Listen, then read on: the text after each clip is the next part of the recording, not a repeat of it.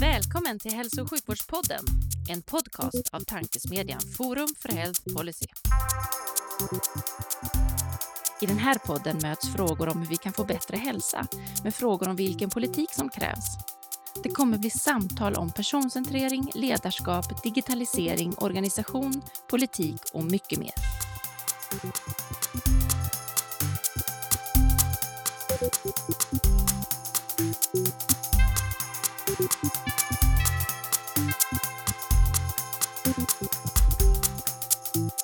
Hej och välkomna till Hälso och sjukvårdspodden, tankesmedjan Forum för Health Policys initiativ för att sprida goda idéer och tankar kring dagens och framtidens hälso och sjukvård och omsorg. Jag heter Magnus Lejelöw och arbetar till vardags för Colivia, men är även ambassadör för Forum för Health Policy. Och vid min sida har jag en gammal kollega med nästan larvigt mycket erfarenhet och kunskap kring europeisk hälso och sjukvård och samverkan mellan det privata och offentliga. Varmt välkommen Thomas Stramitz! Ja, men eh, tack så mycket Magnus. Trevligt att äntligen träffas i detta formatet också, tänker jag. Ja, men eller hur? Eh, det är en fredag när vi sitter här så vi är extra uppsluppna och uppsluppna det blir man ju ännu mer när man får svara på frågan hur tror du att svensk hälso och sjukvård ser ut 2040? Ja, men det är ju en, en superintressant fråga och då eh, alltså man, man bara tänker på sig själv. Eh, då är jag 74 år, Magnus. Då kanske jag har vårdbehov Oj. som jag hoppas blir väl tillgodosedda vid just det tillfället. Men jag tänker också på att, att jag menar 18 år eh, från, från nu, då har det hänt mycket också med befolkningspyramiden. Jag tänker att det har blivit en stor grupp som är betydligt äldre. Om vi tittar på liksom hur många som jobbar i vården så tänker jag att det kanske är ännu färre då. Så att om jag får sätta en liten önskelista på eh, hur jag hoppas att det ser ut då när jag är 74 år eh, så det första är väl egentligen att vården ska vara kompetensförsörjd. Eh, för jag är naturligtvis orolig för att vi inte lyckas bemanna vården med rätt antal personer som, som jobbar. Jag tror att man måste höja eh, statusen, man måste hitta sätt att eh, få en hållbar utveckling så att fler vill jobba inom, inom vården och omsorgen. Det finns ju globala siffror som, som talar om, liksom, vi pratar om tiotals miljoner människor som kommer att saknas inom vårdsystemet. Så att kompetensförsörjd, där måste man väl ändå någonstans börja i, i sin önskelista. Um, det andra skulle nog vara att den är omstrukturerad. För då hoppas jag att vi har implementerat eh, effektiva vårdkedjor och, och processer Eh, säkerligen är mycket av det här supporterat av, av digitalisering och, och, och, teknik. Men jag tänker också att, att där måste ju så att säga människan vara med också i, i förändringsarbeten så att man verkligen har en, en, ett helt annat sätt att, att bygga ihop vården om, om, om, om 18 år. Um, det tredje, tror ja. du det? Hoppas du eller tror du det? Nej, men eh, vi måste ju komma dit känner jag. Alltså, det, det är ju någonstans så att man tittar på att vi måste ju bli bättre på att utnyttja de få resurserna vi har. Eh, och där måste vi nog kanske tänka helt nytt när det gäller liksom, men hur, hur ser vårdkedjan ut? Vilken typ av vård bedrivs på vilken, vilken nivå? Vad har vi för typer av supportsystem för de som gör den här vården? Jag tänker att ja, men, världen är global idag, den kommer vara ännu mer global eh, om 20 år. Är det inte så någonstans att man måste titta på var sitter människorna som kan göra vissa saker bäst eh, i världen och så kanske strukturera sina, sina eh, vårdkedjor och processer enligt, enligt det. Eh, men så jag tycker att det måste ändå hända. Sen hur långt vi har kommit om 20 år, det får man väl, det får man väl se. Eh, och sen eh, tänker jag också att, att ja, men vården måste också vara patientcentrerad. För när jag är 75, då vill jag att någon ska lyssna på eh, mina behov och kanske också ha tid och ork att, att eh, eh, fokusera på, på mig och, och det jag kan, kan behöva eh, och, och vilja. och då måste man kanske också se över hur vi använder resurserna på rätt sätt. För vi kan ju inte bara fortsätta att ösa in resurser, tänker jag, utan det här måste man ju ha hittat någonstans rätt modell om vi ändå plockar så långt som 20 år framåt. Så det är väl, det är väl min önskelista, Magnus. Det var en bra önskelista. Den önskelistan kommer vi tillbaka till. De, de där fyra områdena ska Ja. jag gräva mer i, för det var spännande, spännande områden. Men, men för lyssnarnas skull, Ja. eh, jag vet ju vem du är. Ja. Eh, inte bara för att vi möts på hundpromenader ute i, i Sollentuna ibland, utan för att, eh, för, för att vi har jobbat tillsammans. Men berätta Thomas, vem är du vad, och vad har du gjort för att hamna där du är idag? Ja, men vem är jag? Hörru? du? Jag, alltså, jag är apotekare. Eh, Jag har i mitt liv Ja. bott och arbetat i sju länder, så att jag tycker väl att jag har, har en ganska global inblick på, liksom, på, på saker och ting. Eh, Jag har jobbat i läkemedelsindustrin i nästan 30 år. Eh, Hälften av dem är på, på svensk mark, Eh, men naturligtvis både med ett Norden och Europa-perspektiv, men ändå från, från en svensk bas. Eh, de andra 14 åren har jag jobbat i, i breda internationella roller och eh, fått förmånen att eh, jobba både eh, i USA, eh, i Schweiz eh, och i Ungern många år faktiskt. Så att eh, det blev eh, 30 år i läkemedelsindustrin. Eh, Så att det är väl, det är väl där, där jag har min bas eh, kan man säga. Sen var det väl kanske förutbestämt, tänker jag, att jag skulle hamna inom den här sektorn ändå i och med att jag kommer från en släkt där farfar var läkare, pappa var läkare, min äldre bror är läkare och, och, och själv så, så kanske jag var, var mer intresserad av det här med läkemedel och, och på den vägen blev det. Mm. Och idag, vill du berätta vad du gör idag också? Ja, jag, ja, så men- vi outar det också. ja, precis. Ja, men idag är jag affärsutvecklare på EY eh, med eh, bas i Stockholm, eh, men jag får förmånen att återigen jobba globalt. Men så att säga, jag gör det ifrån hemmaplan så att jag flyttade tillbaka hit till, till, till Sverige förra sommaren med min fru och min hund. Mina två döttrar eh, de befinner sig i Storbritannien på universitet så att eh, de har ju bott och levt i stort sett eh, största delen av sina liv utomlands så att de, de fortsätter utomlands ett tag till. Mm. Men du, du sa sju länder och då, och då när jag räknade lite snabbt så hörde jag Sverige, jag hörde Schweiz, Ungern och USA. Vilka är de tre Ja, men det är ju tre till. Man måste ju lägga till Spanien, före detta Jugoslavien och Grekland också. Du ser, då blir det sju. Ja, det är häftiga makter. Vad, ja, men eller hur? Och, och vilket av, om du fick välja av de här sju sjukvårdssystemen, vilka, vilket skulle du vilja vara sjuk i? Om du nu när du är 74 känner att du blir lite, blir lite behöver uppsöka vård, var skulle du gå då? Jättebra fråga. Ja, men jag tänker så här att dels eh, några av de här länderna eh, var ju i forntiden så att eh, eh, man har kanske inte koll på hur deras hälso och sjukvårdssystem ser ut. Men eh, Schweiz till exempel är väl kanske inte något dåligt land att, att, att bli sjuk i. Men, men jag tycker nog kanske inte att Sverige heller är, är så, så, så himla tokigt eh, faktiskt. Så att, eh, eh Nu får vi väl se var man befinner sig den dagen man, man får ett stort vårdbehov. Man kanske inte ens har möjlighet att resa någonstans då, så att eh, man får nog ta, eh, ta, ta det dit där man är då, tänker jag. Och det är sant.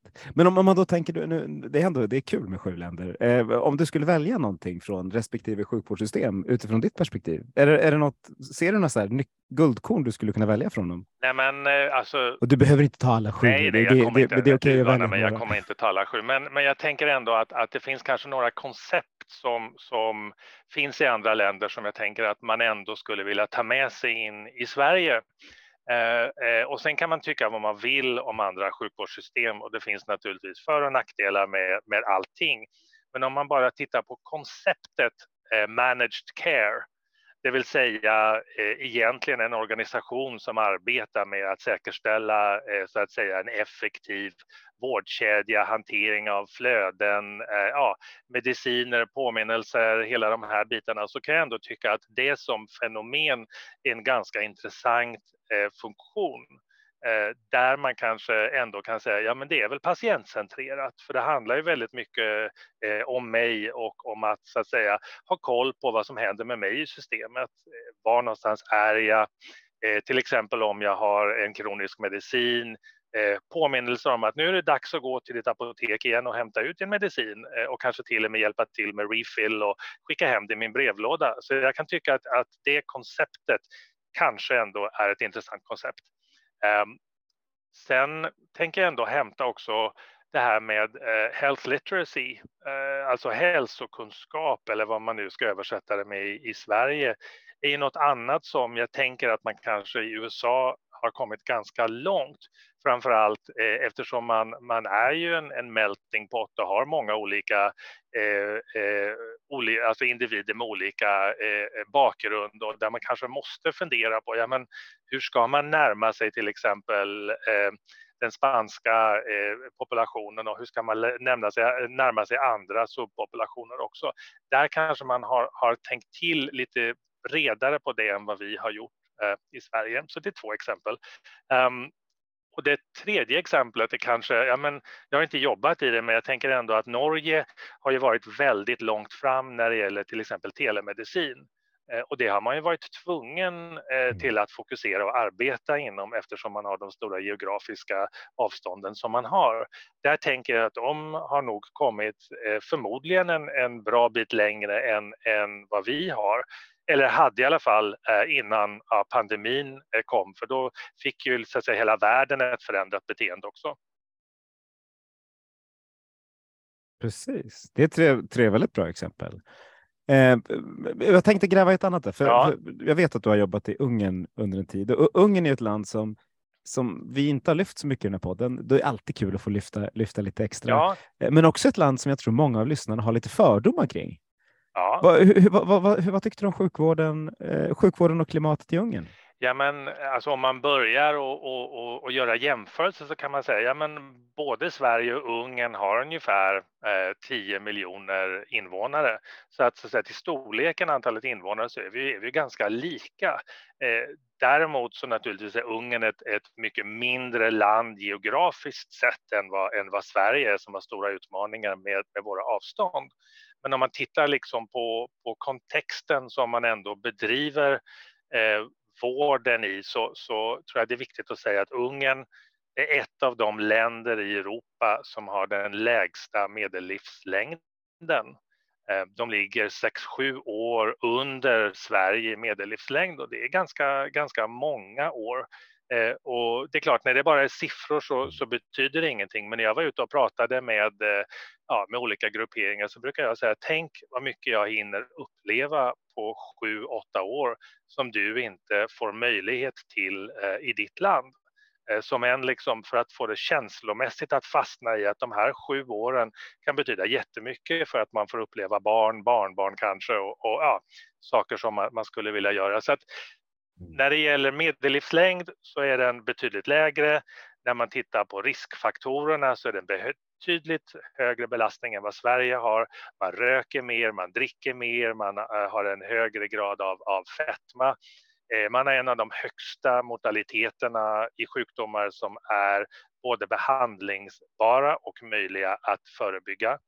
Eh, man lever i ett, ett system som har en av de lägsta bruttonationalprodukterna i Europa. Eh, man spenderar bara 6% ungefär eh, på hälsosidan eh, av sin GDP jämfört med 11 i, Sverige, det är betydligt under EU-genomsnittet också. Och sen är det intressant att, att ungrarna... Och då en, ja, en bas som är lägre? Ja, så, så blir... ja. och ungrarna går till läkaren 11 gånger om året jämfört med de tre i Sverige. Så att jag menar, det, det är några förutsättningar som jag tycker att man måste ha med mm. sig in när man tittar liksom på, på Ungern som land och, och hur löser man hur löser man då hälso och, sjukvårds, eh, eh hälso och sjukvården i, i ett sådant land? Um, jag var jättestolt över till exempel när jag reste till Sverige på jularna och man satt bredvid folk som pratade på, på flyget och de sa ja men de pluggade till läkare i Ungern, i Budapest. Och det var jättemånga utländska studenter så att universiteten har jättegott rykte och de studenter som har varit där säger att de har fått en mycket, mycket bra utbildning, framför allt på, på sin så att säga, praktiksida där man har fått uppleva på, på sjukhusen. Sen är det svårt med resurser i ungersk eh, hälso och sjukvård. Det finns en begränsad budget. Den är inte eh, alltså förhandlingsbar. Det är inget starkt fokus på, på sjukvården. Den är väldigt fragmenterad. Du har eh, inte de till exempel datasystem som, som du har i Sverige, de möjligheterna som vi har till att, att göra, eh, att göra eh, så att säga, samkörning av olika, olika databaser eh, etc. Eh, och så finns det ja, naturligtvis stora klyftor mellan, eh, mellan eh, sjukvård och alltså mellan slutenvården eh, och, och öppenvården som är svåra att överbrygga, eh, till exempel när det gäller eh, eh, saker som, som journalhantering. Jag menar, när man gick ifrån eh, primärvården in till sjukhuset så fick man en plastpåse med sig med sin journal. Det här ska du ta med dig till sjukhusläkaren och visa eh, som ett exempel ändå liksom på hur, hur hur, hur kanske långt efter Sverige man ligger i vissa, i vissa, vissa mm. av de här bitarna. Um, en annan bit att, komma ihåg är också att lönebilden är ju helt annorlunda.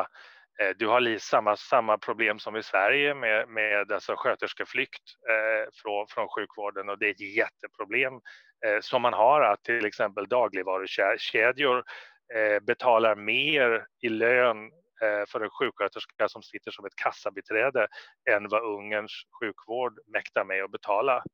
Eh, och bara som jämförelse så en specialist eh, med ungefär 15-20 års erfarenhet har en, en nettolön på någonstans runt 22-23 000. Så att det är ju en, en helt annorlunda eh, verklighet man, man befinner sig i och försöker naturligtvis att göra det bästa utifrån de, de förutsättningarna man har. Men folkhälsoarbetet är ju jätte, alltså där måste man ju satsa enormt stora resurser på att, att jobba med riskfaktorerna. Eh, man måste få folk att gå på screening, man måste få folk att förstå vårdkedjorna, man måste få folk att inte klogga upp eh, eh, akutmottagningarna i onödan och så vidare. Så det finns jättemycket att göra. Mm. Och för er lyssnare så har Thomas en liten lagg på våra mickar, så om vi avbryter varandra så är det, det är inte för att vara oartiga, utan det är för att vi har en liten, liten fördröjning någonstans. Men, jättespännande. Med, när du var i Ungern så var du vd för ett amerikanskt företag, ja. ett läkemedelsföretag. Hur, hur var det att komma liksom, från, ett, från, från ett globalt amerikanskt företag in i Ungern? Var man välkomnad och hur, liksom, hur fungerade det? Ja, eh, jag tycker att, att eh, ja, men det, det, den flytten fungerade, fungerade väldigt bra eh, och jag tänker att, att med det engagemang som, som företaget redan hade eh, i, i hälso och sjukvården i Ungern så kunde man ju stärka det samarbetet eh, i och med att jag då kom från globala regionala roller så hade jag ju också ett nätverk inom, inom firman som man kunde använda för att kanalisera in resurser till exempel till, till, till Ungern och, och titta på, på samarbetet. Till exempel så, så var företaget en av de, de företag som investerade mest i klinisk forskning. Eh, och det är naturligtvis en, en jätteviktig insats i, i ett land som då eh, behöver egentligen all kompetens, all resurser, allt stöd så att säga, man kan få eh, för att, att kunna bedriva en, en, en vård på, på, på, ett, på en bra nivå. Um, men vi jobbade också väldigt nära, eh, eh, nära eh, alltså hälso och sjukvården i olika, i olika projekt till exempel. Eh, vi tittade på kartläggning av, av mortalitet i lungcancer Eh, i de olika regionerna i Ungern som, som det visade sig att det skilde sig ganska mycket. Eh, och i, i mångt och mycket kunde det härledas till till exempel att man hade fördröjning i ja, hur lång tid tog det från det att man misstänkte en diagnos till dess att, sjukhus, att patienten fanns på sjukhus? Eh, och då kunde man räkna hem det både i mortalitet och i, alltså säga, kostnader för den sjukvården som sedan följde på. Så att genom att bedriva egentligen den typen av projekt så upplevde jag att vi blev väldigt välkomnade med den kompetens och, och, och det vi, vi, vi ville göra och stödja, stödja deras arbete. Mm. Om man, är, om man är i Stockholm så är det ju liksom stora skillnader i, i medellivslängd genom att åka bara en tunnelbanelinje ja. från, från stan och utåt förorterna. Vad, hur, de skillnaderna pratar vi inte om i Sverige. Hur, hur, såg det ut i Ungern? Är det liknande liksom skillnader eller hur är jämlikheten? Ja, men det, ja, det är liknande skillnader tycker jag. Eh, jag. jag. tänker ofta på det här konceptet med, med återigen hälsokunskapen, health literacy och där gjorde vi faktiskt Mm. en, en undersökning i Ungern eh, för att, att se hur stor del av befolkningen var det som, som, som hade otillräcklig, eh, otillräcklig hälsokunskap för att kunna fatta eh, enkla, eh, basala eh, eh, um, beslut om sin hälsa och, och det visar sig att, att, man ligger ungefär där många andra länder ligger, det vill säga upp till varannan individ eh, Eh, saknar eller har brister i sin förmåga att kunna hitta information, att tolka information, att integrera, att kunna göra någonting, någonting åt den. Så att jag tror egentligen att om man tittar på några av de andra länderna som har gjort en liknande, liknande studier så hamnar man väl någonstans där liksom i, i 40, ja, 30 till ja, 45-50 procent av populationerna som saknar eller som har brister i sin hälsokunskap. Och det tycker jag man ändå ser att det inte skiljer sig så himla mycket från de länder som ändå är testade. Det är klart att det finns de som är bättre och de som är sämre. Nederländerna tror jag ligger, ligger väldigt bra till som ett, ett exempel på ett land eh, där man har en, en hög hälsokunskap, men ändå är det stora delar som, som fortfarande kan behöva eh, stöd och support, eh, utbildning, hjälp det kan handla om att, att eh, man inom hälso och sjukvården till exempel vågar ställa frågan eh, kan du berätta för mig vad som var det viktigaste i det jag precis sa till dig?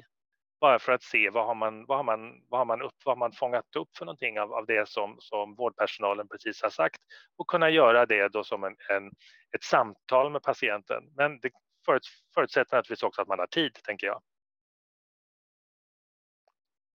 Det, det var det där med tid och tid är Just pengar. det. Och det stökar alltid till det. Ja. När, när du kom tillbaka då till Sverige, vad, hur, hur upplevde du eh, efter 14 år borta? Hur, vad, vad var de stora skillnaderna? Eh, framförallt tänker jag på hälso och sjukvård, men du kanske har några andra skillnader som, som också är roliga att lyfta? Ja, hur är det att komma tillbaka? Ja, men, alltså på något sätt så är man ju, jag, men, jag är ju svensk och jag kommer tillbaka till mitt land, Sverige. Eh, det är klart att, att, att liksom på något sätt så så, så känns ju allting väldigt välbekant, även om det har hänt mycket på de åren som, som vi har varit ute som man kanske inte har hängt med i. Man har ju ändå en begränsad eh, möjlighet kanske och även intresse av att, att eh, följa med lokalt när man har sitt liv eh, i ett annat land eh, ja, under, under en, en, längre tid. Jag tycker ändå att det gick, gick, eh, gick bra, hyfsat bra att, att komma tillbaka eh, som du nämnde, vi var ute, vi var ute med våra hundar eh, och när man är ute med hund så träffar man ju folk på gatan och så säger men, men dig känner jag igen, eh, men du är ju pappa till den och den och sen så är man igång igen någonstans i samtalen som man avslutade liksom ett antal år, år tillbaka och så frågar man ja, vad, what's new liksom? Ja, men det har inte hänt så mycket. Ja, men, då tänker jag men det har hänt jättemycket på, på, på min sida men, men jag vill ju höra mer om det så att säga, som har hänt i Sverige som vi behöver, eh, behöver liksom komma tillbaka till. Men i det stora hela så, så var det ju en ganska, det var ju en, en, eh, en ganska enkel flytt eh, tillbaka till Sverige. Eh, sen naturligtvis har det hänt jättemycket inom hälso och sjukvården eh, på de här åren eh, och, och, det är där jag håller på att, att eh, också uppdatera mig eh, naturligtvis nu med, med vad, ja, vad är de stora behoven idag? Vad, vad behöver man hjälp med och ja, vad, ja, hur, hur, långt har man kommit helt enkelt? Mm. Vad kommer du fram till då? Vad är, vad är, de, stora, vad är de stora behoven i Sverige? Nej, men alltså det, det, jag tycker att, att det kommer tillbaka till det här. Jag menar, en av bitarna är ju liksom kompetensförsörjningen och den tycker jag är superviktig. Mm. Um, där man ju kan fundera på men, hur, hur länge räcker det eh, räcker bara ett kall? Eh, liksom som någon form av, av, av strategi för att, att säkerställa att, att man har en, en, en långsiktig bemanning med, med folk som vill jobba i, i hälso och sjukvården. Och där, där tycker jag väl att, att det, är jätteviktigt eh, att man bygger upp det, för har vi inte grundförutsättningarna med, med personal, eh, då faller ju många av de andra bitarna som vi försöker uppnå. Jag tänker på, jag menar, vi säger vi ska ha god och nära vård. Uh, ja, men det är väl jättebra om vi bor i Stockholm, men om du bor i Lycksele, vad betyder god och nära vård då? Eh, om det saknas läkare, det saknas sköterskor eh, och så vidare. Jag tänker att det är ändå ett, ett område som, som jag tycker är, är jätteviktigt som, som eh, man också eh, ja, naturligtvis måste, måste fokusera på. Så det är ett av områdena har du något, kommit med att visa kloka lösningar där? Eller? För det, det, är ett område vi pratar om som är svårt. Ja, men jag tror att, jag tror att det är svårt eh, och jag tänker att, att någonstans så, så måste man väl äh, våga lyfta de här frågorna och kanske eh, våga titta, ja men vad är det som krävs då för att, att vi ska behålla folk och att folk ska orka och vilja eh, fortsätta jobba i vården? Eh, om det nu är, är, att höja statusen, om det handlar om, om, om kompensation, om det handlar om, vad vet jag, utvecklingsmöjligheter, karriärvägar, möjlighet till, vad vet jag, rotation inom avdelningar, sjukhus, öppen slutenvård och så vidare. Jag tänker att, att man måste se över eh, hela det området och våga så att säga ta ett, ett helhetsgrepp ja, men hur, hur, ska man, eh, hur, hur, ska man hantera det? Det, det tror jag är, är Eh, en, en bit som man, man, måste, man måste ha. Det måste naturligtvis finnas resurser eh, till att, att kunna göra det här och, och ledarna inom vården måste också få tid att och, och jobba med det. Eh, tänker jag att det är viktiga saker som, som man måste lyfta ljuv musik i mina öron. Jag sitter ju själv och, och jobbar i den liksom, eh, mm. dammen och försöker, försöker lösa det och ser att eh, man, man hittar sina egna positioner eh, och, och, sätter sig inte vid samma bord och försöker lösa problemet.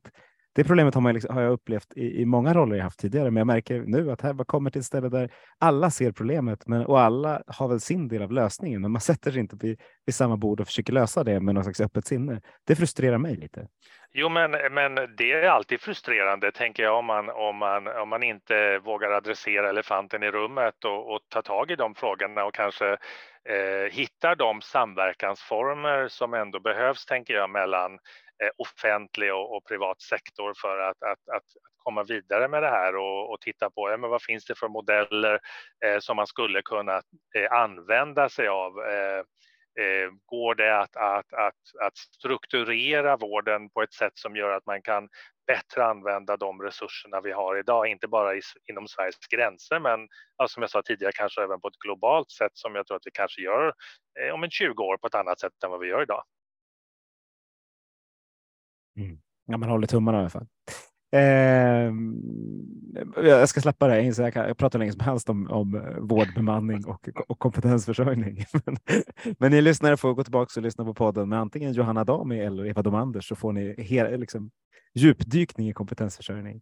Eh, du Thomas, prevention ja. är ju ett, ett hett eh, område i Sverige, eh, det vill säga någonting som, som vi pratar mycket om och där man pratar mycket sekundär prevention. Vi förstår att vi måste bli mer preventiva för att vi ska kunna göra någonting, men, men många sitter liksom och, och letar efter den där gordiska knuten för, för att lösa det. Mm. Hur, hur är din bild av, att, av, av, av arbetet med prevention i Sverige och har du något har du några goda knep från, från utlandet som, som du tänker att det här skulle man kunna spicea upp det svenska preventionsarbetet med?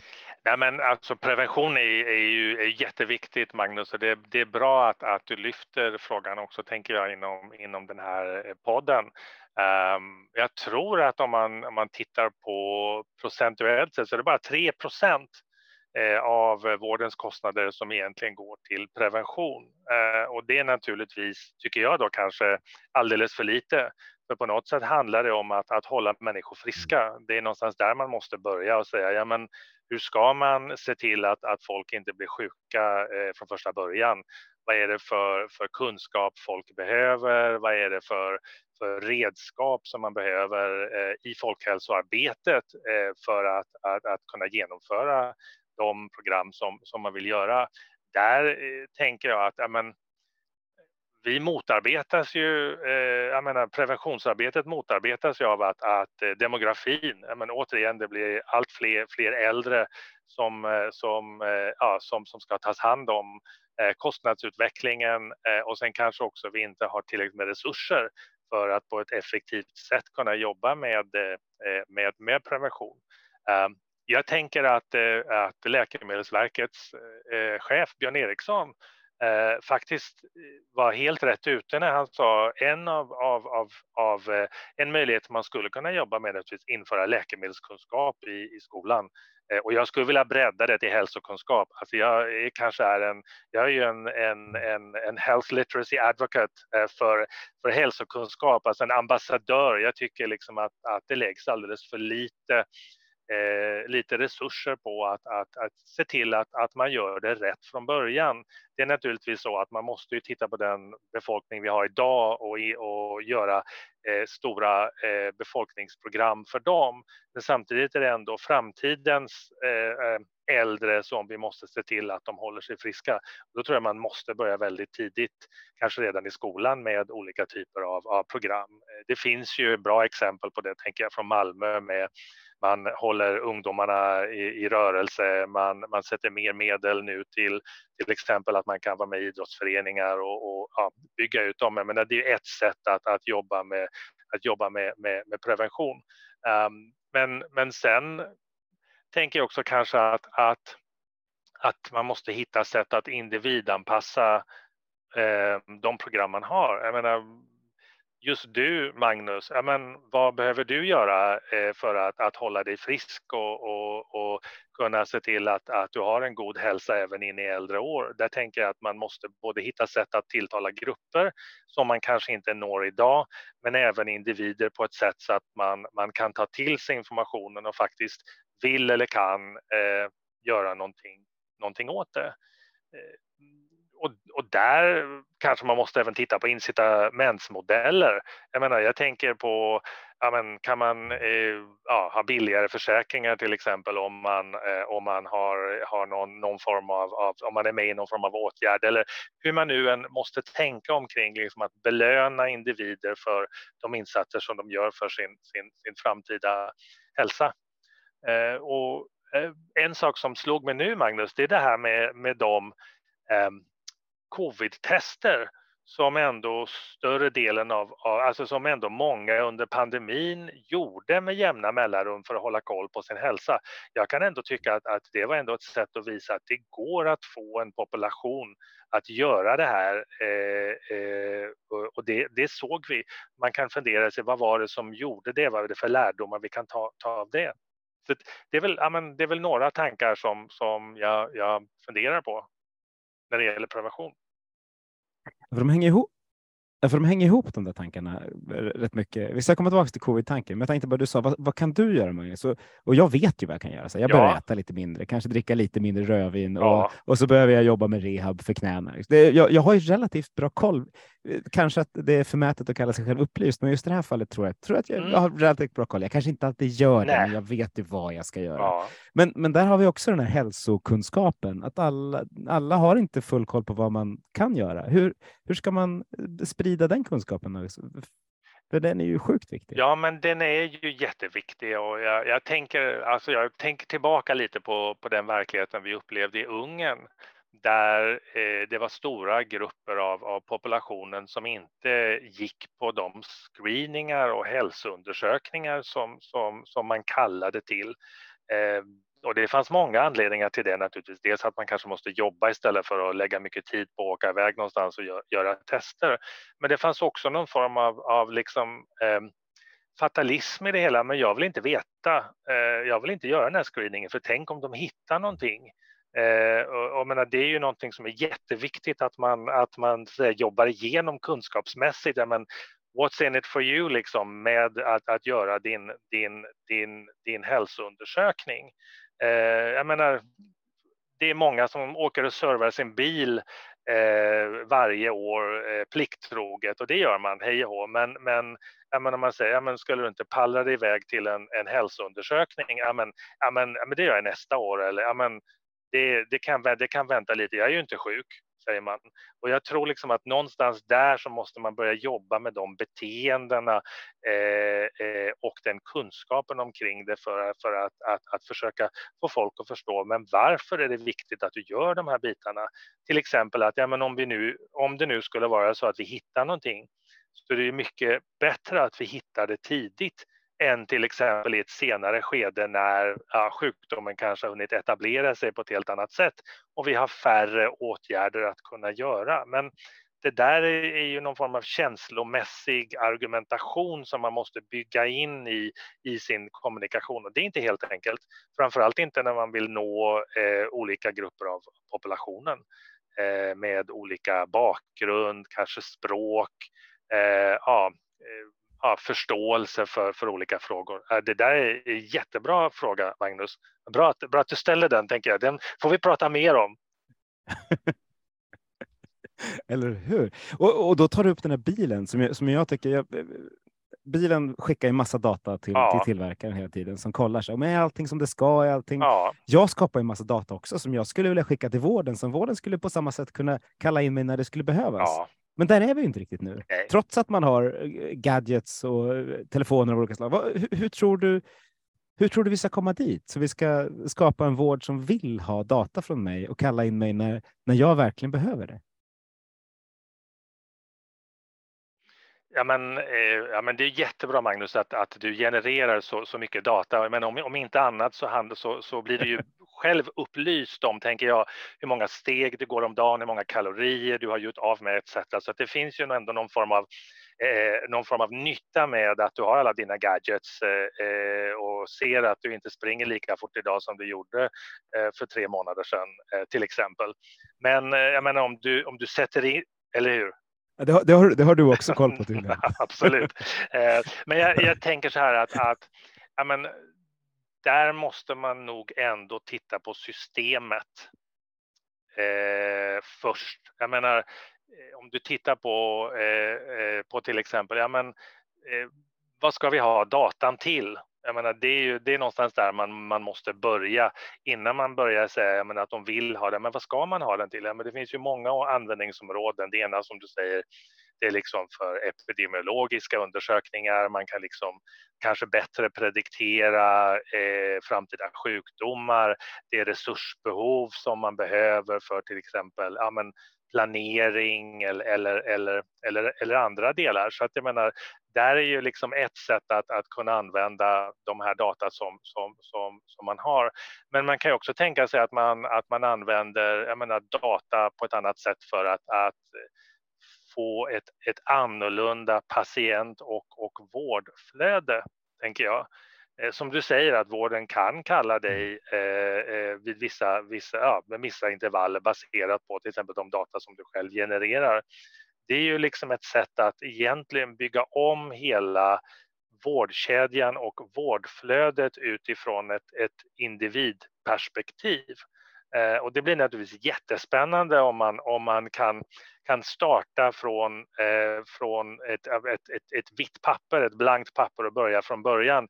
Nu är vi ju inte där, utan vi sitter ju liksom i en struktur som finns med befintlig teknologi, kanske med befintligt eh, eh, eh ja, eh, ramverk om, om vad man skulle vilja ha.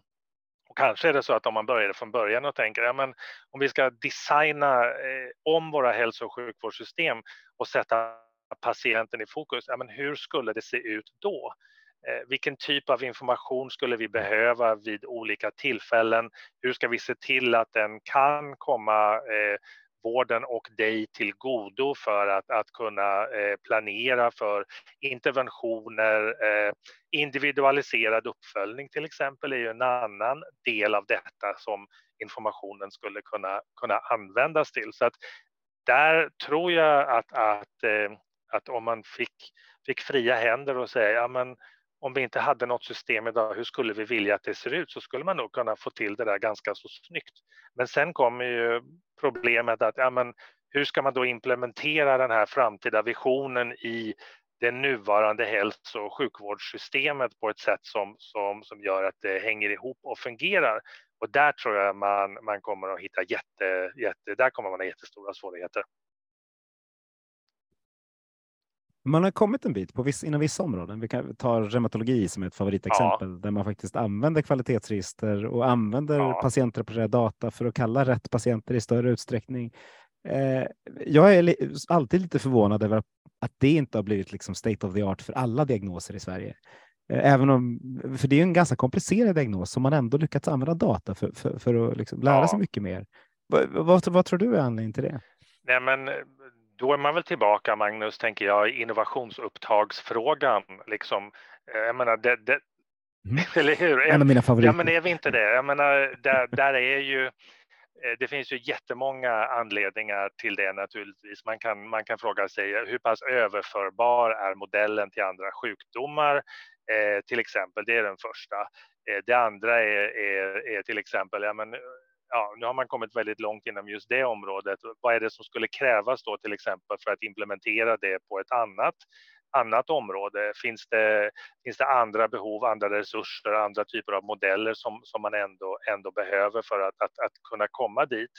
Eh, som är en annan eh, eh fråga. Sen har det ju också liksom de system som finns ändå för, för innovationsupptag jag menar, om du börjar med någonting i, i, på ett ställe, på ett sjukhus, liksom, hur lång tid tar det innan du har nått ut i bruset eh, med din innovation till dess att det faktiskt är andra som får upp ögonen för att det här är någonting som, som skulle kunna vara tillämpbart också inom mitt område.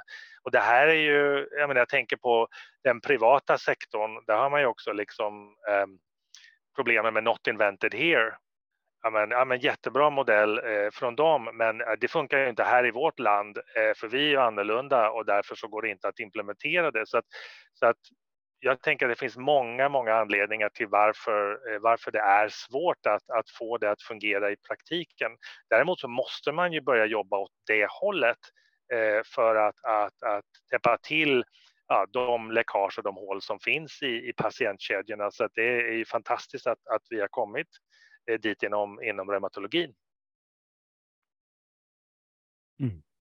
Eh, vi pratar om innovationsupptag till och från. När man beskriver Sverige, eller när vi pratar om Sverige brukar man säga att vi är ganska bra på, på att ta upp innovationer i ja. början, men lite sämre på att skala upp. Ja.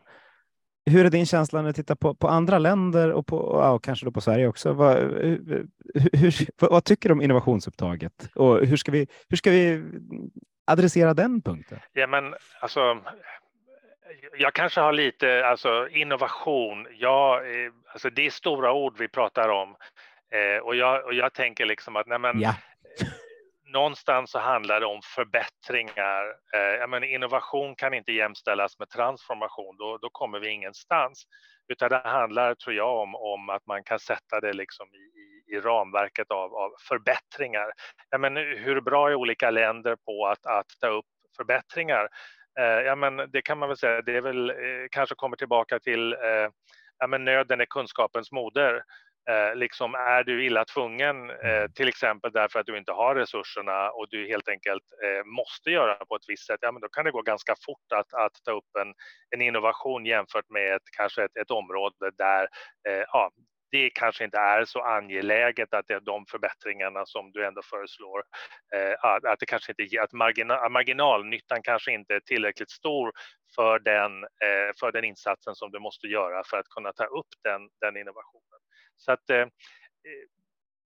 jag, det är jättesvårt att jämföra mellan, mellan olika system. Jag tänker om man nu tittar på eh, pandemin så måste man väl ändå säga att, att upptaget av covid-vaccin uh, worldwide måste väl vara en av de mm. snabbast, uh, de innovationer som har fått det snabbast upptag uh, globalt sett inom hälso och sjukvården.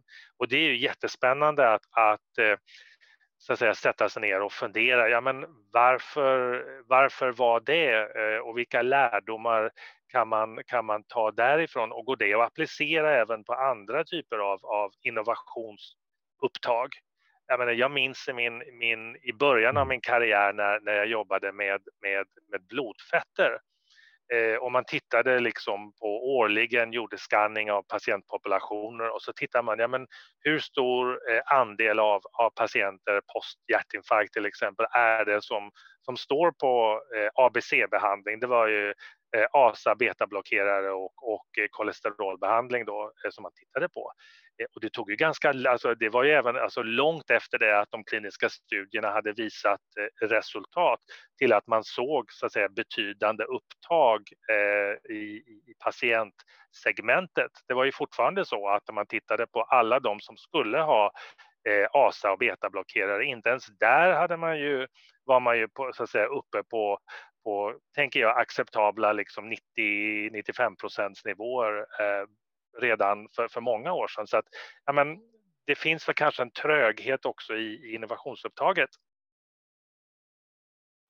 Mm. Det, det, kan man verkligen säga.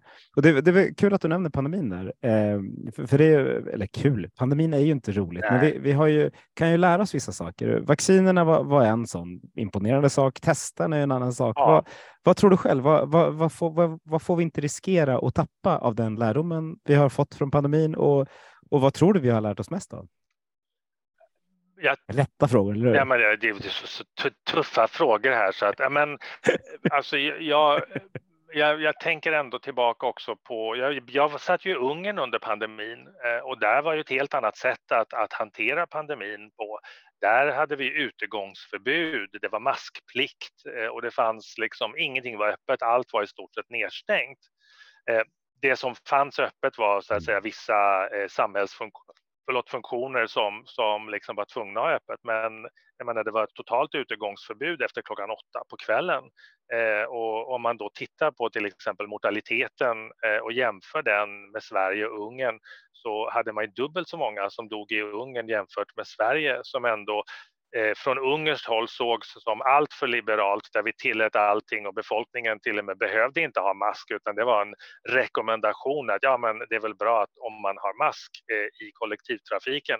Där nere var det ju ett helt annat att sätt att hantera så jag tänker mig att alla länder eh, har nog sina egna lärdomar att dra eh, av, av, av pandemin. Jag kan tänka mig att, att eh, jag menar, vi vet ju att, att eh, det var olika sätt att hantera vaccinationsstrategierna i de olika regionerna. Jag tänker att det är jätteviktigt att, eh, att ha det som en, en lärdom, att ja, men vad, vad fungerade bra? Eh, hur, vilka program var det som var effektivast att nå ut i en bredare population, inte bara de som, som, som går iväg och vaccinerar sig därför att de har tillräcklig hälsokunskap, men även de andra eh, i ja, minoriteter och så vidare. Vad, hur gjorde man det här på ett, på ett bra sätt? Um, eh, jag kan också tänka mig att, att eh, eh, det som kanske var tydligt eh, under pandemin var också ett ledarskap Alltså ett ganska tydligt ledarskap eh, och en, en, ja men det var en daglig kommunikation. Det gick ju inte en dag utan att vi hade eh, eh Folkhälsomyndigheten i tv som eh, så att säga berättade och, och, och höll, höll hela befolkningen uppdaterad eh, på, på ett sätt. Och jag tänker också att, att när man var ute så hörde man väldigt många eh, som pratade där ute. Vilket vaccin har du fått? Och, ja, men, på något sätt så kändes det som att ja, men det fanns ett, det var ett, ett, ett buzz där ute av, av, av, av, av, av diskussion i befolkningen omkring olika, alltså olika vaccin också, även om den inte var, var kanske kunskaps eh, byggd på kunskap så fanns det ändå någon form av, ja men vilket har du fått? Ja men eh, jag hörde att det här hade bättre, eh, bättre skydd mot det här och så vidare. Men, och, och det tycker jag ändå är, är, värdefullt och då kanske man ska ta med sig och fundera på, ja men det här var, var kanske inte så tokigt att, att, att man fick det engagemanget i, i, i befolkningen. Um, sen så tänker jag väl också att om man tittar på, på näringslivet och så. Um, men det är många som frågar sig varför gjorde jag inte det här förut? Jag menar, det behövdes en pandemi för att tvinga arbetsgivare att eh, acceptera att medarbetare kunde jobba hemifrån. Eh, och att man litade på dem att jobbet blev gjort. Jag menar, det är en ganska intressant förändring mm. som skedde under bara ett, ett, ett par månader. Eh, och det är klart att någonstans måste man ju, säga, måste man ju fråga sig då som företagsledare, varför har jag inte gjort det här förut? Eh, och det är kanske en jättebra fråga att ställa sig också nu efter så att säga, postpandemi eran, ja, men, vad är det som jag skulle vilja göra som jag inte har vågat göra eh, och så se liksom om, om man kan ta, ta de kliven nu när man inte blir tvingad till det. Så det är väl här, några, några tankar som, som, som jag har um, just om, om lärdomarna samtidigt som naturligtvis vi, vi har en vi hade och fortfarande har tror jag en utsliten vårdpersonal vi har en, en vårdskuld att, att, att hämta igen efter pandemin med eh, ja, de köer eh, och de så att säga, sjukdomar som blev för att folk inte gick till, till eh, sjukvården i, i, i rätt utsträckning under, under, under pandemin. Och de tror jag, systemeffekterna fortfarande sitter i. De måste man också, tror jag, dra lärdom av till, till nästa, nästa kris kanske som kommer. Eller ja, kris. Mm. Sitter jag och tänker på vad jag skulle, vad jag skulle vilja ändra på hos oss. Det var en jättebra fråga. Vad, vad, vad, är det man inte litar på? Den, den, får, den får ni lyssnare fundera på också, för jag kommer att fundera vidare på den. Eh, en annan sak som, ja. vi, som, som, faktiskt pandemin har gett, som jag har fått från andra, är, är samverkan. Att samverkansklimatet har blivit betydligt öppnare. Ja. Eh, man, man ser styrkorna från olika håll, håll och kanter. Du, du, jag sa det i inledningen, du har ju, har ju samarbetat mellan det, liksom, det privata och det offentliga i ett antal olika marknader. Vad, hur är din syn på samverkan? Är vi, är vi bra i Sverige och Ja, det, jag kan stanna där. Är vi bra i Sverige? Ja, men, eh, men det, kan du definiera bra, Magnus? Vad, vad, nej, men jag, jag, håller, jag, håller, alltså, jag tycker väl att vi är väl bra på, på samverkan. Eh, och det handlar ju också om att vi väldigt tidigt har, har satt till exempel ramverk för, för samverkan mellan privat och offentlig sektor eh, i olika slags avtal och så vidare som, som har tydliggjort så att säga, vad är det som man, man man kan och, och, inte kan göra. Det tror jag är en, en av förutsättningarna för, för samverkan, att man har satt spelreglerna för, för samverkan. Sen kan man eh, ha åsikter om de är för strikta eller inte, men, men det finns ändå regler som kanske inte finns i, i, i, i många, andra, många, på många, i många andra system. Så det är, väl, det är väl en bit, tänker jag. Men jag, jag, kan väl utveckla den frågan lite. Ja. För jag, jag, tänker absolut, vi pratar ju rätt mycket samverkan, men om man, jag var i Nederländerna på studiebesök och där får man liksom träffa en minister tillsammans med en vd för ett försäkringsbolag tillsammans. Ja. För de samverkar så tätt så, så att det, liksom, mm. det är helt mm. naturligt mm. att man gör det. I Sverige är vi lite, kanske lite mer silofierade, även om vi har pratat om det. Det kändes som vi kom lite närmare under, under pandemin, ja. men jag är lite nyfiken på du som har, liksom har sett samverkan. Utan, om man kommer som näringslivsrepresentant, vad, eh, vilka länder i Europa är roligast att samverka i? Ja, men det är också en sån här jättebra fråga. Eh, alltså, jag tänker alltså de, de eh, länder som är roligast att samverka i, det är väl, är väl de, tror, tycker jag, där man kan komma till, till någon form av gemensam eh, action. Eh, det är naturligtvis så att, att eh, det finns jättemånga projekt som kanske inte passar, sig, passar för, för just ett, eller, ett eller annat land. Jag kan ändå tänka mig att, att de, de miljöer som är präglade av en vilja till innovation, Eh, att, att där eh, är det roligare att jobba, jobba med samverkan också, för där kanske man kan hitta ändå mm. gemensamma former eh, och hitta en, en, en samverkansform som fungerar för, för, för, för olika projekt. Och det är ju där återigen så, så, så, hamnar man ju i liksom att, att titta på, på de olika ländernas förutsättningar. Eh, jag menar, det finns ekonomiska förutsättningar i vissa länder. Det finns, eh, det finns andra saker som man kanske måste vara uppmärksam på, till exempel eh, korruption som är vanligt i, i sydligare och även i östligare där man ser låga korruptionsindex till exempel. Eller ja, att, att man måste tänka att det är också en del av, av den miljön man jobbar i, att man måste säkerställa att man kan genomföra projekt på ett sätt som också eh, eh, ja, tål en, en, en granskning och, och, är hållbart utifrån ett, ett, ett, ett sådant perspektiv också eh, naturligtvis. Eh, men det är väl egentligen, tänker jag, de projekt är väl de roligaste projekten är de man utvecklar tillsammans där man kanske från det ena eller andra mm. hållet har någon form av koncept och så träffas man eh, och fortsätter att spinna vidare på det och så helt plötsligt har man hittat någonting som känns jättekul eh, som man kan utveckla tillsammans i samverkan. Co-creation tror jag är jätteviktigt att man tänker eh, när, man, eh, när man jobbar i projekt i olika länder. Mm. Sant. Eh, ett bra svar på en svår och lite luddig fråga. Nej, men det, det kanske inte var ett bra svar heller, men, men det är ändå några av de tankarna som, som eh, som kommer när man, när man pratar om, om, om samverkan, att det måste finnas, det, må, alltså det måste finnas en grogrund, det måste finnas någon form av tillit, någon form av mm. förtroende. Man måste förstå eh, kulturen eh, eh, mellan de olika parterna eh, och också kanske också ta in eh, riskbegreppet eh, i det här. jag menar, hur riskbenägen är man från olika, olika håll att, att, att testa någonting? Eh, det är också en, en, en sån aspekt som jag tycker ligger inom, in, inom sam, samverkan. Mm.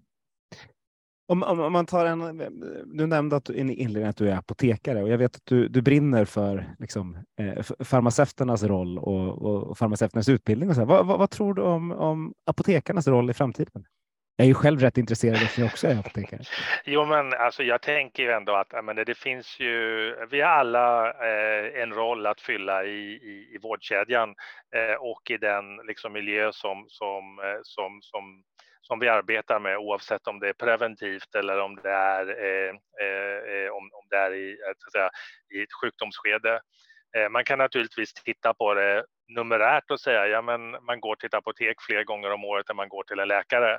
Eh, vad har apoteken för, för, för, för möjligheter att bedriva folkhälsoarbete på ett effektivt sätt när man säger, har den dynamiken med sig också. Mm. Eh, men återigen, jag tror att det handlar om en, en, en förståelse för hur olika delar av professionen kan samverka eh, omkring patienten och medborgaren eh, för att se till att, att vi får ordning på preventivt arbete, att vi får effektiva vårdkedjor och att vi utnyttjar rätt person för rätt uppgift eh, det tror jag är, är jätteviktigt. Så att absolut, eh, som apotekare så, så, tycker jag att det finns en väldigt ljus framtid för, för apotekare. Men jag tänker ändå att, att eh, eh, vi måste ju så att säga våga titta på det i ett större perspektiv och kanske ställa de här frågorna till, till, eh, till de som, som är, verkar i professionen och säga, men vad skulle vi kunna göra om vi, om vi tog ett större grepp på det här tillsammans? Sant, som apotekare håller jag naturligtvis med dig. Det, det är bra det. det, det nu har, vi, vi är ju väldigt måna i den här podden om, om våra lyssnares hälsa ja. och snart har de varit ute och gått en timme. Eh, och vi vill ju inte, vi vill ju inte göra några förslitningsskador eller så, så jag tänkte fråga hur, när du kom in i, den här, i det här digitala rummet som vi sitter i, var, var det något du hade velat prata om som, som du inte har fått prata om? Ja, hörru du, vi har ju pratat om, om egentligen väldigt, väldigt, väldigt mycket. Um, Ja, men jag tänker kanske att någonstans har jag ändå varit ganska privilegierad genom eh, min, eh, min arbetslivsresa som faktiskt har fått vara med och påverka, eh, påverka och, och eh, jobba med förbättringsarbete och se till att folk lever, eh, lever längre, lever bättre, har en högre livskvalitet kanske på en en, eh, en bredare möjlighet än, än, än, kanske många andra beroende på de roller som jag har fått, fått förmånen att ha under, eh, under min karriär. Så jag tänker väl att, att där är jag ju är jag ju väldigt, väldigt stolt över, över det arbetet som, som vi har gjort.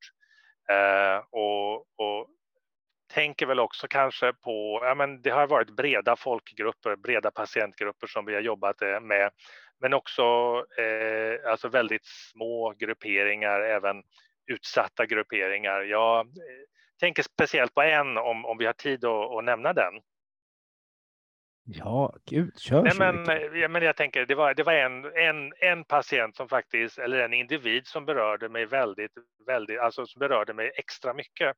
Jag var på resa eh, i Rumänien eh, i uppdrag för, för, för mitt, inom mitt regionala eh, jobb som jag hade en gång i tiden.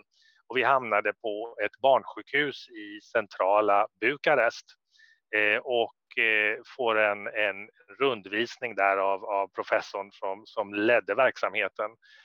Och vi träffade på en, en, en flicka, ja men hon kanske kan ha varit 18, 17, 18 år någonstans som satt, satt i ett rum där i någon, någon joggingdräkt och det här var, var, var, var mitt i vintern, i smällkalla vintern och ja, professorn sa åt henne att, att, sätta på sig en tröja för det var kallt på sjukhuset. Så att, eh, det var dels liksom den värmen som ändå den här professorn eh, eh, eh hade om sina patienter, men kanske också samtalet omkring vad var det här för, för, för tjej egentligen?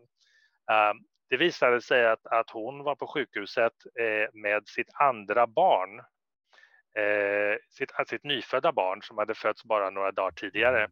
Eh, och, och, då frågade vi, vet jag, men varför är hon på, på det här eh, sjukhuset? Hon, hon borde väl vara någon annanstans eh, när hon är lite äldre. Ja, men det visade sig att, att den här flickan var HIV-smittad men hade glömt att hon var HIV-smittad eh, mellan sina två graviditeter.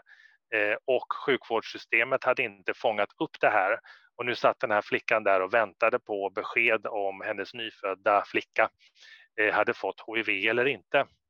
Och det var en sån där alltså upplevelse som ändå, alltså att säga, som slog mig eh, och det är kanske därför som jag vurmar lite extra för, för de som kanske inte har full kapacitet att, att, att kunna eh, fatta rätt beslut och, och, använda det här för att eh, i en i en västvärld så kanske det hade funnits andra system som hade kunnat fångat upp att den här eh, personen, mamman, var HIV-smittad och man hade kunnat göra helt andra grejer eh, under förlossningen för att se till att barnet eh, ja, kanske, kanske skulle, skulle klara sig. Så att det är ett exempel på, på tänker jag, en, en, en, en av alla de individer som man har mött under åren som, som kanske har påverkat mig lite extra och som ger mig kraft och passion att fortsätta eh, jobba för att, att slåss för det här området som jag tycker är så himla viktigt.